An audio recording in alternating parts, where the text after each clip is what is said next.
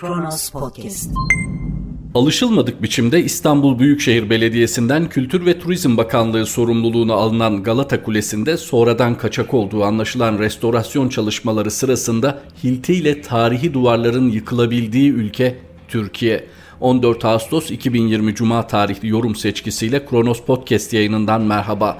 T24'ten Murat Belge'nin yazısıyla başlıyoruz. Vandalizm. Televizyona baktığım ender dakikalardan birine denk düştü. Birdenbire ekranda adının Hilti olduğunu bu münasebetle yeni öğrendiğim makinelerle tarihi olduğu besbelli bir duvara saldırdıklarını gördüm. Ben dehşet içinde görüntüye bakarken haberi veren ses de burasının Galata Kulesi olduğunu söylüyordu. Başka şeyler de ekliyordu. Turizm Bakanlığı böyle bir şey olduğunu reddetmiş, yıkılan yerin tarihi bir parça olmadığını söylemiş. Herhalde ortada henüz görüntü yokken böyle bir iş oluyor haberini alır almaz hayır olmuyor deme gereğini duydular diye düşündüm. Çünkü görüntü yeterince açık, olay olmakta. Böyle bir şeyin olabileceğine ihtimal vermek çok güç olduğu için gözümle gördüğüm manzaraya akla uygun bir açıklama bulmaya çalıştım. Kulenin tarihte birçok onarımdan geçtiğini biliyorum. En son 60'ların başında Haşim İşcan'ın belediye başkanlığında ciddi bir şekilde restore edilip turizme açılmasını kendi hayat süremden biliyorum. Açıldıktan kısa süre sonra Mina Urgan'la neye benzediğini görmeye gittiğimizi de hatırlıyorum. Ama çok daha eski onarımlar da var. Birkaç kere yangın atlatıyor. Bu onarımlarda içine yeni duvarlar eklendiğini okumuşluğum var ama görmüşlüğüm yok. Çünkü işcan onarımından sonra en üst katlarına giderdik asansörle. Daha alt katları görmezdik. Bir keresinde dar bir merdivenden inerek binadan çıkmıştık diye hayal meyal hatırlıyorum. Görüntü binanın içinden sonradan eklenmiş duvarlardan birini yıkıyor olabilirler. İyi ama öyleyse sorun yok mu diyeceğiz tarihi binada kullandıkları o makinenin yarattığı sarsıntı ve bu sarsıntının makinenin girip çıkmadığı yerlere de vereceği zarar gibi çeşitli etmenler var. Bir koşu gelip Galata Kulesi'ni İstanbul Büyükşehir Belediyesi'nin elinden aldılar, bakanlığa verdiler. Bakanlıkta anlaşılan şuraları yıkın deyip bir şirkete verdi. Böylece bu manzarayla karşılaştık. Şirket besbelli işinin ehli bir tarihi binaya nasıl yaklaşmak gerektiğini biliyor.''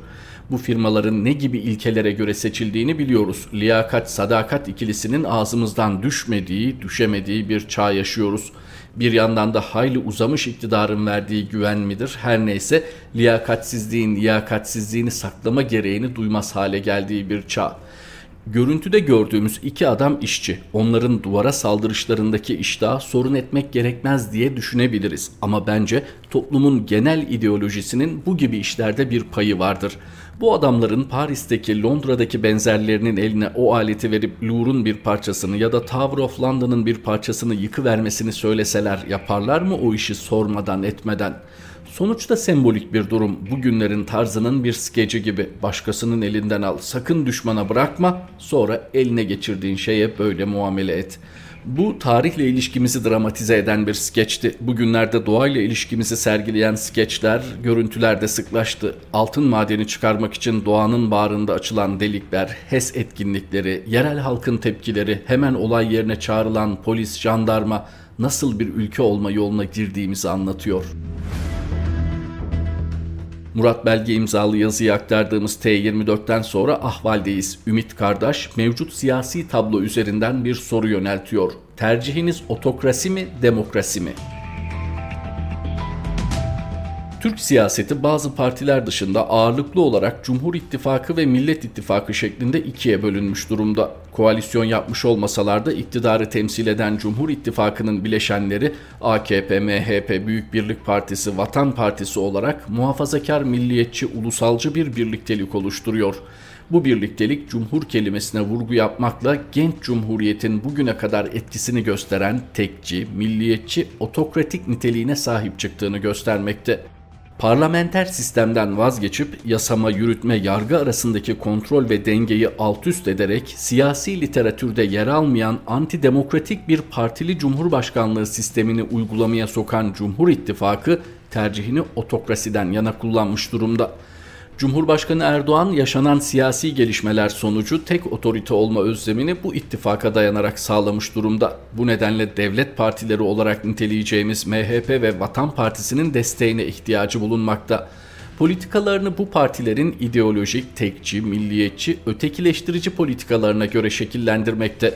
Söz konusu partilerde buna karşılık Erdoğan'ın kendi tabanını konsolide etme politikalarına ses çıkartmamaktalar. Ortaya çıkan bu durum AKP'yi kuruluş programından uzaklaştırıp yönünü saptırarak otokrasinin altyapısını oluşturma, muhalefeti ve eleştirel bütün düşünceleri yasaklama noktasına getirdi.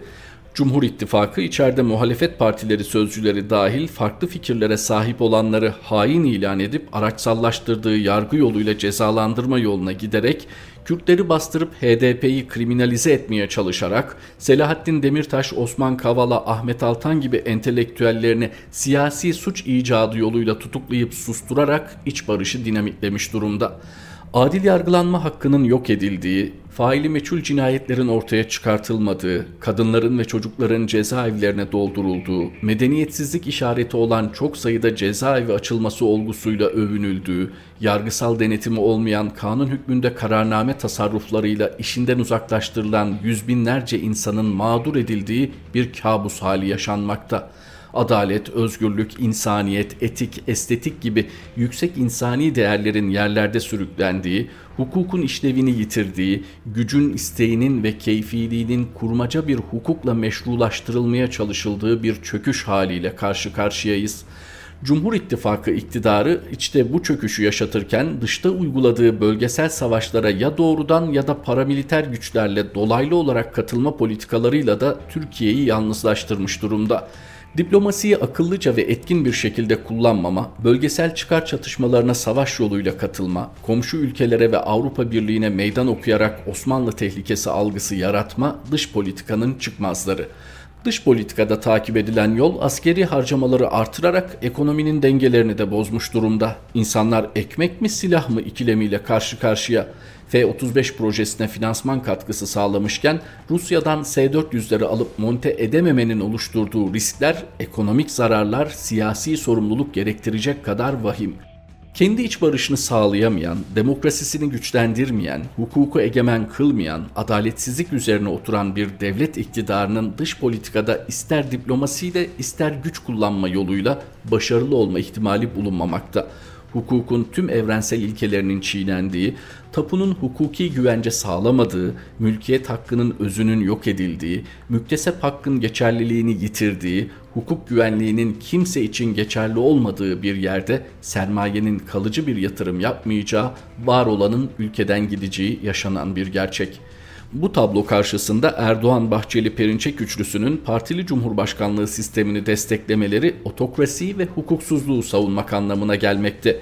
Bu nedenle muhalefetin Cumhur İttifakı'nı artık otokrasi ittifakı olarak adlandırması ve bu nitelemeyi kullanması daha etkili olacaktır. Böylece bu ittifak gerçek niyeti ve uygulamalarıyla örtüşecek şekilde anılacaktır. Otokrasi ittifakının karşısında kendini Millet İttifakı olarak adlandıran muhalefetin öncelikle milliyetçi çağrışımlara açık bu nitelemeden vazgeçip otokrasinin karşısına demokrasi ittifakı olarak çıkıp bu ittifakı daha kapsayıcı hale getirmesi gerekmekte. Kuşkusuz ittifakı genişletmek ve iktidarı otokrasiden geri almak Kürtlerin önemli bir bölümünün temsilcisi olan HDP'nin bu ittifaka katılmasıyla mümkün. Ancak CHP'nin ürkekliği, İyi Parti'nin tabana yönelik endişeleri durumu zorlaştırmakta. Muhalefet iktidar bileşenlerini gerçek nitelikleriyle adlandırıp kendini otokrasinin karşısına demokrasi ittifakı içine yerleştirirken demokrasinin içini doldurmalı. Nasıl bir demokrasi? Çoklu, çoğulcu, katılımcı, özgürlükçü, hukuk güvenliğine ve hukukun üstünlüğüne, etik ve estetik değerlere dayalı, barışı güvenceye alan bir demokrasi. Bu çağrıya icabet eden her siyasi parti ya da örgüt bu ittifak içinde yer almalı. Etnik kimliği, inancı, felsefesi, siyasi görüşü, dili, cinsel tercihi ne olursa olsun bireyler bu ittifakta kendini bulmalı. Türkiye toplumunun geleceği otokrasiyi savunanlara karşı demokrasiyi savunacak olanların ferasetine ve cesaretine bağlı. Ümit Kardeş'in yazısını aktardığımız ahvalden gazete duvara geçiyoruz. Nur Betül Çelik de muhafaza edemeyen muhafazakarlık diyor. Türkiye'de işler yine karışık. Bir yandan küçük siyasal hesapların, seçime yönelik stratejilerin, ayak oyunlarının belirlediği bir gündemle meşgulüz. Bir yandan da koca ülkenin teker meker uçuruma sürüklenişinin çaresiz seyircileri gibiyiz. Gündem başımızı döndürdüğü için kenarında durduğumuz uçuruma bakamıyoruz bile. Ayasofya'nın ibadete açılmasının hezeyanı, Muharrem İnce'nin Eylül ayı itibarıyla başlatacağını ilan ettiği hareketin anlamı üzerine sonu gelmez tartışmalar. Devlet Bahçeli'nin Meral Akşener'e yuvaya dön çağrısıyla çağrıya verilen yanıtların derin anlamlarını çözümleme çabaları. Ha bir de korona istatistiklerinin her akşam yarattığı küçük çaplı heyecan var. Haksızlık etmek istemem elbette. Yine de söylemeden geçemeyeceğim. Aldırmazlıklarımız, bencilliklerimiz kadar sayıların büyüsüyle dedikodunun lezzetine dirençsizliğimiz de derinleşen salgının hayatlarımız üzerindeki doğrudan olduğu kadar dolaylı etkilerine karşı duyarsızlaştırıyor bizi. Okulları kapanan, çevrim içi eğitimle yetinmek zorunda kalan çocuklarının psikolojik sorunlarını çözmek için ne yapacağını şaşıran ana babalar tanıyorum. Bu pandemi parantezini burada kapatayım. Derdim başka bugün. Asıl meselem özellikle küçük siyaset oyunlarının göz boyacılığıyla ıskaladığımız tarihsel moment. Bunlar öylesine oyalayıcı ki çok yönlü, çok düzenli yapısal kriz derinleşirken krizi fırsata çevirenlerinkinden başka bir ses duyamamamıza sebep oluyorlar. Ağzımızı burnumuzu kapatması gereken maskeler gözlerimize çekilmiş. Yapı lime lime parçalanıyor. Söküm söküm sökülüyor göremiyoruz. Üstünde durabileceğimiz bir temel kalmadı neredeyse. Ama yapının çatırdayarak yıkılışına duyarsızız. Bu yıkılışın en büyük sorumluları tam da bu momentte 150 yıldır anlatılan modernleşme hikayesinin yerine kendilerine ait yeni bir hikaye yazmanın zamanı geldiğini ilan ediyorlar.'' Yeni Türkiye masalıyla kendi tarih anlatılarını oluşturmaya çoktan başlamışlardı aslında. Görülmemiş bir uçuş içinde olan ülke masalıyla da hikayenin örgüsüne yeni bir ilmek ekleme çabasındalar. Kendilerinin bile inanmadığı bir masalsı tarihi gerçekmiş gibi anlatıyorlardı bir süredir. Kültürel metinlerle örneğin televizyon dizileri aracılığıyla politikacıların söylevlerinde bu anlatıyı kurguluyorlardı. Bu kurgunun içine güncel olanı yerleştirip eskinin kahramanlarını yeninin diliyle konuşturmak, bugün iktidarda olan bir politik hareketin hedeflerini, amaçlarını eski kahramanlara ait kılmak, o kahramanlar aracılığıyla liderin her yaptığını tarihsel bir menzille bağdaştırmak anlatının kurgulanış stratejileri. Bir nostaljiyi besleyerek modern olanı reddetme girişimi olarak da tanımlayabilirim sanırım bunu. Ayasofya'nın ibadete açılması bu modernlik karşıtı hikayenin gidişatına dair güçlü bir ipucu değilse ne? Modern demokrasilerin tanımlayıcı ilkelerinin nostaljik bir tavırla eskinin canlandırılabilmesi için reddedilmesi üzerine kurulu bu yeni hikaye ama ne kadar yeni. Örneğin kendilerinin modernin karşısında geleneksel, dinsel olanın tamamıyla temsilcisi olduklarını nereye kadar iddia edebilirler? Kendilerine inanç düzleminde iddia ettikleri saflığı vehmedebilirler mi? Modernliğin sağladığı her türlü olanağı tepe tepe kullandıklarını gördüğümüz bu hikaye anlatıcılarına herhangi bir değerin muhafazası konusunda ne kadar güvenebilirsiniz? Onlarınki muhafaza etmeyi bilmeyen sözde bir muhafazakarlık ya modern olanın karşısına muhafaza etmek üzere koydukları gelenek, o da koluna taktığı marka çantanın, içinde seyahat ettiği özel jetin, sofrasını süsleyen dünya lezzetlerinin, elindeki akıllı telefonun, önünde oturduğu bilgisayarın, öve öve bitiremediği devasa hava alanlarının, direksiyonunda poz verdiği son model dijital teknolojiyle donanmış otomobilin, içinde partiler düzenlediği yatın, kullandığı pahalı parfümün, servetine servet katmak için kullandığı finansal araçların sırtını dayadığı, varlığını borçlu olduğu kapitalist ilişkilerin işaret ettiği modern hayatın geleneği nasıl dönüştürdüğünü sorgulamaktan uzak olanların sözde gelenekçiliği. Tapınakları finans merkezleri, tanrıları ise para olanların yazmaya giriştikleri hikaye işte bu kadar yeni. Kurguladıkları tarih ise bu kadar özgün. Nur Betül Çelik'in yazısıydı. Gazete Duvar'dan Gazete Davul'a geçiyoruz. Hakları olanı ısrarla istemelerinden tanıyoruz onları. Baskılara rağmen direnişlerinden vazgeçmeyişlerinden tanıyoruz. Ali Abaday'ın yazısı Acun Karadağ ve Bir Avuç Cesur İnsan. Acun Karadağ, Türkiye'de sayısı 1 milyonu aşan öğretmenlerden biriydi. Öğrencileri ve arkadaşları dışında adını bilen pek kimse yoktu. Günümüzde kimi öğretmenlerde görmediğimiz şekilde işini severek yapıyordu. Ancak bir kusuru vardı. Sendika üyesiydi. Daha doğrusu solcu bir insandı. 15 Temmuz'u bir bahane olarak kullanarak 100 binden fazla kişiyi işinden eden kanun hükmünde kararname onu bir 29 Ekim gecesi buldu. Bu haksızlığa karşı sesini duyurmak istedi. Ancak kendisinin de zaman zaman anlattığı gibi sendika ilk başta onun haksızlığını dile getirmesinde yanında olmadı. O da tek başına okulunun önünde işini geri almak adına bir eylem başlattı. İlk seferinde daha ağzını açmadan gözaltına alındı. Sonrasında da protestosuna başlar başlamaz. Ama o yılmadı. Çünkü sadece haklı olduğunu bilen insanların sahip olacağı cesarete sahipti. Bugün bile tam olarak aydınlatılamayan darbe girişimiyle alakası yoktu ve bu bahaneyle işinden atılmış olmayı kabul etmiyordu.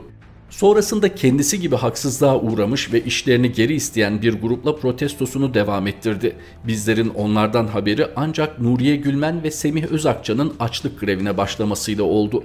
Ondan öncesinde işlerini geri isteyen ve bu direnişçi insanlar pek bilinmiyorlar ve sesleri duyulmuyordu. Oysa ne kadar garip. Ülkede 100 binden fazla kişi benzer bir hukuksuzluğa uğruyor, işini kaybediyor, yetmiyor aile bireyleri de işlerinden çıkarılıyor ama sesleri çıkmıyor. İş bulmaları engelleniyor, hakları gasp ediliyor, aç bırakılıyor ve ağaç kökü yemeleri söyleniyor ama sesleri çıkmıyor.'' Çocukları parçası olmadıkları darbe girişimiyle suçlanıp ömür boyu hapis cezası alıyor ama sesleri çıkmıyor.'' İşte bu sessiz, korkmuş kalabalığın içinde birkaç ses yükseliyor haksızlığa karşı. Sonrasında o sesler buluşuyor. Fakat bu bir avuç insanın hak arama mücadelesi bile yüz binleri işsiz bırakanları korkutmaya yetiyor. Çünkü bu bir avuç cesur insanı örnek alıp diğer haksızlığa uğramış olanların da işlerini geri isteyeceğinden, kendi iktidarlarını sarsacağından korkuyorlar tıpkı İstanbul Sözleşmesi'nden vazgeçmeyen ve uygulanması için de direten cesur kadınlar gibi. O kadınlar da sokaklarda haklarını korumak için her toplandıklarında iktidarı korku içinde bırakıyorlar. Acun Karadağ bir öğretmendi. Hiç alakası olmadığı bir darbe girişimi bahane edilerek sevdiği işinden, öğrencilerinden uzaklaştırıldı. İşini geri istemek için okulun önünde protestoya gittiği zaman diğer öğretmenlere gözdağı verilerek ona destek olmaları engellendi. Zaten bugün bile zulme uğramış binlerce insanı susturan bu gözdağı ve korkular değil mi?'' Ne var ki Acun öğretmeni susturamayanlar sesinin giderek daha fazla kişiye ulaştığını görünce onu yeniden gözaltına aldılar. Acun öğretmenin kalp hastası olduğunu, bu süreçte kalbine pil takıldığını ve en ufak bir sorunda ölebileceğini bildikleri halde. Sabah saatlerinde evini basarak Acun öğretmeni gözaltına alanlar boş durmadı ve yüksel direnişçisi Nazan Bozkurt, Mehmet Dersulu, Gülnaz Bozkurt, Armağan Özbaş, Merve Demirel ve Mahmut Konuğu da gözaltına aldılar. Bu işlerini geri isteyen insanlara karşı yapılanlar hem büyük bir adaletsizliği hem de mantıksızlığı barındırıyor. Yüksel direnişçileri işlerini geri isteyen kamu çalışanları. Ancak savcılar onları örgüt üyesi olmakla suçluyor. Dünyanın hangi ülkesinde bir örgüt üyesi devlette çalışırken kimliği açığa çıktıktan sonra işini geri ister? Bir kişi şayet örgüt üyesi ise yıkmaya çalıştığı düzenin çalışanı olarak hayatına devam etmek için niye eylem yapsın? Ancak ne Acun öğretmeni ne de onun gibi yüz binlerce insanı işten atanlar bu soruları hiç sormuyorlar. Haksızlığa uğrayanların çoğu da sormuyor. Herkes büyük bir suskunluk içinde bir gün bütün bunların biteceği saflığıyla bekliyorlar. Uzun zamandır atılan bir slogan var. Mustafa Kemal'in askerleriyiz şeklinde. Bunu söyleyen ve iktidara muhalif olanların genelde yaptıkları iki şey Anıtkabir ziyaretleri ve sosyal medyadan eleştirilerde bulunmak. Ancak bu insanlar Kurtuluş Savaşı döneminde yaşasalardı işgal devletlerinin kendilerine verdiğiyle yetinen, Mustafa Kemal ve arkadaşlarına yardım etmeyen ve desteklediklerini de açıkça söylemeyen kişilerden olurdu. Kurtuluş Savaşı'nda Türkiye'yi kurtaran cesaret ve azim ne yazık ki günümüzde sadece Acun Karadağ, Melek Çetinkaya gibi bir avuç insanda var. Onlar da yapılan haksızlıkları dile getirmek için kendilerine yönelik her türlü baskıya göğüs geriyor ve mücadelelerine devam ediyorlar. Tıpkı Kurtuluş Savaşı'nda her türlü tehlikeye karşın ülkenin bağımsızlığı için savaşanlar gibi. Acun Karadağ, Melek Çetinkaya, Nuriye Gülmen gibi bir grup cesur insan bugün ya gözaltında ya hapiste. Yüz binlerce mağdur içinde haklarını arayan ve yapılan haksızlığa ses çıkaran bu bir avuç insana iyi bakın. Çünkü onlar toplumun büyük bir kesiminde bulunmayan gerçek cesarete sahipler. Aynı İstanbul Sözleşmesi için sokaklara çıkan kadınlar gibi.'' Gazete Davul'dan aktardığımız Ali Abaday imzalı satırlar bu birlikteliğimizdeki son paylaşımımızdı. Mehmet Şahin yeni yorum seçkimizde Kronos Podcast yayınında tekrar buluşmak üzere. Hoşçakalın.